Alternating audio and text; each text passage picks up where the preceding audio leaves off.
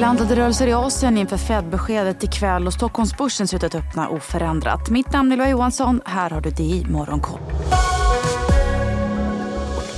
Hongkongbörsen är ner 1% och tyngs av fastighetsbolagen. Det är ner även på börserna i Fastlandskina där både Shanghai och Shenzhenbörsen backar närmare 1 efter landets ekonomitoppmöte igår där man landade i att man kommer prioritera stimulanser för att stötta inhemsk efterfrågan. Det finns dock en besvikelse över att stödet inte var större och att man inte prioriterat fastighetssektorn på ett bättre sätt. Under morgonen såg det också klart att svenska BioArctics Alzheimerläkemedel Lekembi, som godkändes i Japan i september september kommer börja säljas i landet av partnern Esai den 20 december. Esai backar 1 på Tokyobörsen.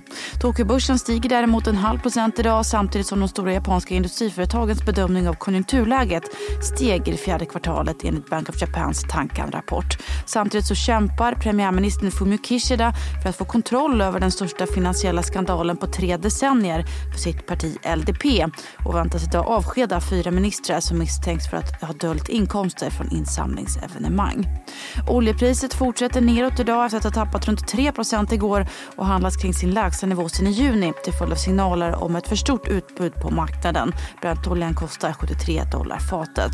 På valutamarknaden så har Argentina devalverat peson med 54% och har samtidigt tillkännagivit en rad nedskärningar i landets utgifter. Åtgärderna är ett led i nytillträdde presidenten Javier Mileis plan för att få kontroll på landets problemtyngda ekonomi. Dollarindex försvagas samtidigt något idag och de amerikanska långräntorna handlas ganska stadigt inför det viktiga räntebeskedet från Fed ikväll. Den amerikanska centralbanken väntas lämna räntan oförändrad men gårdagens inflationsdata från USA som kom in i linje med förväntan har ändå väckt vissa frågetecken kring hur aggressiva räntesänkningar man kan vänta sig nästa år. Förväntningarna på en sänkning redan i mars eh, ligger på runt 40% enligt CMI Fedwatch Tool. Den amerikanska tioårsräntan noteras i 4,20 2020. Börserna på Wall Street vände upp och stängde slutligen på plus igår. Började S&P 500 steg en halv procent och teknik Nasdaq stängde nästan en procent upp. Bland enskilda bolag så rasade mjukvarubolaget Oracle 12 procent efter en sämre rapport än väntat. Chiptillverkaren Broadcom som ju rusade 9 procent i förrgår och steg ytterligare 4 procent till nya rekordnivåer efter att ha pekat ut som vinnare på trenden av City. Leksakstillverkaren Hasbro backade däremot 1 procent efter att ha meddelat att runt 1100 anställda får gå. Varukedjan Macy's rasade 8 efter att ha fått en sänkt rekommendation av City som är skeptiska till att gårdagens bud på bolaget kommer att gå i hamn. Och så till Sverige där Volvo Cars återkallar närmare 3 000 bilar av modellen XC90 tillverkade mellan december 2014 och september 2023 för modellåren 2015 till 2024 på uppmaning av den amerikanska trafikmyndigheten. Orsaken är att 5% av sätena i bilarna tros ha felaktigt åtdragna säkerhetsbältesspännen. Och från Volvo Cars till AB Volvo som enligt en kartläggning av DI väntas slå sitt eget utdelningsrekord i vår. Enligt analytikernas estimat väntas lastbilsjätten dela ut 16,75 kronor per aktie i snitt vilket skulle innebära en direktavkastning på 6,7 procent och att drygt 34 miljarder kronor skiftas ut till aktieägarna. Och så har Erik Selin köpt aktier för 9,6 miljoner kronor i Norion Bank där han är storägare. Selin äger totalt nära 37 miljoner aktier i Norion Bank motsvarande 18 procent av det totala antalet aktier. Vi kan väl även nämna ögonstyrningsbolaget Tobii som förvärvar irländska Fotonation från Xperia för 470 miljoner kronor.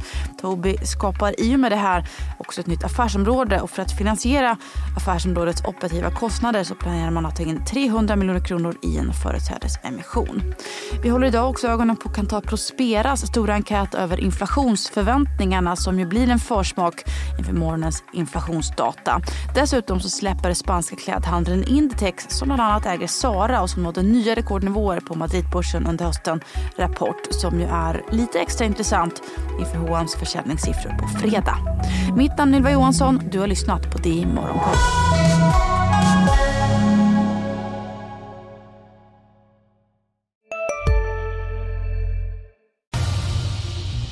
Expressen gör varje vecka podden Politikrummet där vi djupdyker i det senaste och viktigaste inom svensk politik. Med mig Filippa Rogvall som programledare tillsammans med mina vassa kollegor. Och det är ju ni som heter Thomas Nordenskjöld, Anette Holmqvist och Viktor Bartkron. Politikrummet kommer med ett nytt avsnitt varje tisdag. Vi hörs.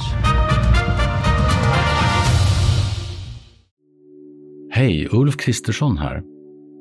På många sätt är det en mörk tid vi lever i.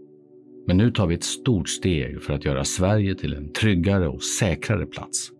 Sverige är nu medlem i Nato. En för alla, alla för en.